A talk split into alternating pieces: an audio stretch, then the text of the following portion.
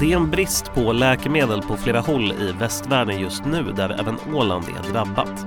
Ingrid Kvarnström, apotekare i Mariehamn, hon ser inte direkt någon lösning på den här problematiken framledes.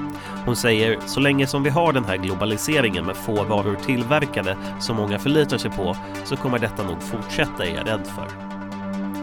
Ålands fredsinstitut är en av de 26 civilsamhällesorganisationer med utrikes och säkerhetspolitisk verksamhet som beviljas statsunderstöd.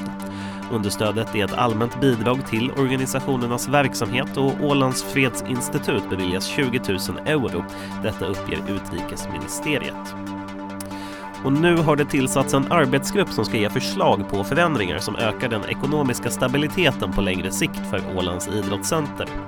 Kommunstyrelsen i Finström har utsett ordförande Sven-Anders Danielsson och kommundirektör Magnus Sandberg att tillsammans med ett par medlemmar från Ålands idrottscenters styrelse ingå i arbetsgruppen.